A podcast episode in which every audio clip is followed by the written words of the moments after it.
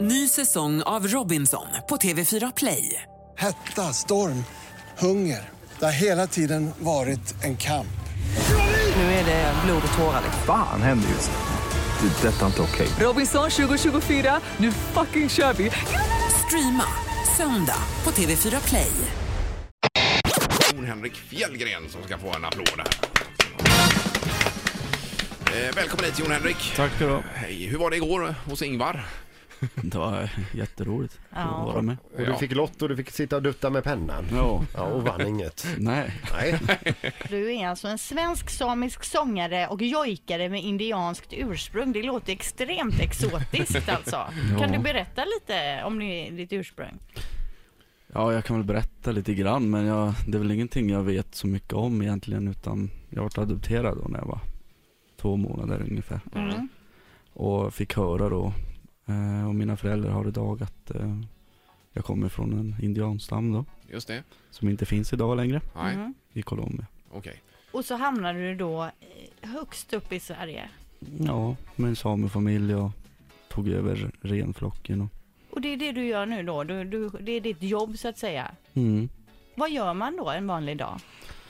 Man kliver väl upp tidigt på morgonen då, fem kanske, det är väl olika vilket väder det kommer bli. Det vet man ju aldrig. Fem på morgonen och så hoppar man på fyrhjulingen här idag då. Mm.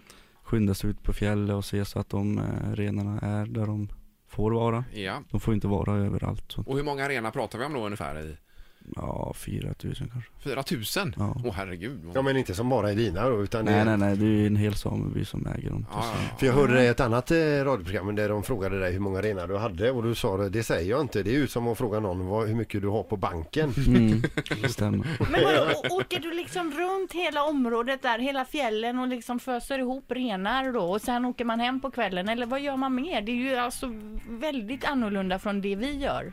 Ja, man lever ju på det och så samlar man in det och så har man dem till en hage och vi lever ju av köttet och vi säljer skinnet och allting. ja. Just det. Så man använder ju allting på renen. Och hur många renar tar vargen varje år? Och björn kanske? Ja, de tar ganska mycket. Alltså gör de det? Ja, Okej. Och tåget då?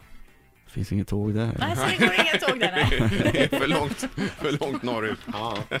Men hur kommer jojken in i bilden i detta? Hur kom du på att eh, du kunde jojka och använde ni jojken till någonting med eh, renskötsel och så vidare? Jojken förut var ju ett sätt att berätta och minnas saker. Mm. Det är det väl än idag också. Men eh, den var ju också förut förbjuden. Man vart ju dömd till döden om man jojkade då. Jaha, varför det? Och det undrar jag också. De trodde väl det var något, jag vet inte. Det var så förr. Ja. Du, är eh, på ett, i, du gjorde ju eh, naturligtvis dundersuccé i eh, programmet Talang. Eh, ko- ko- Kommer du ihåg när du skulle kliva in på scen? Hur, hur nervös var du? Nej jag var nog inte nervös. Jag var kanske nervös för att möta Daniel igen tror jag. Ja. Ja, För jag den- kände han att han, han var nog där.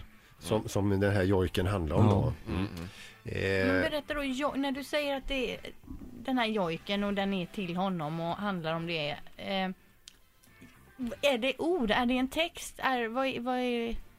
Just den här jojken till Daniel är det väl bara två ord jag säger och det är väl Jag saknar dig min vän säger jag väl. Mm-hmm. och resten är nog bara känslor jag har ja, just det. i kroppen. Men om du skulle ge oss några tips om vi skulle försöka, alltså hur gör man eh, rent praktiskt? med Först rösten? och främst tror jag man ska besöka en sameby eller åka upp på fjället och få den känslan, hur det är att vara där. Ja. Och leva i den miljön, det livet.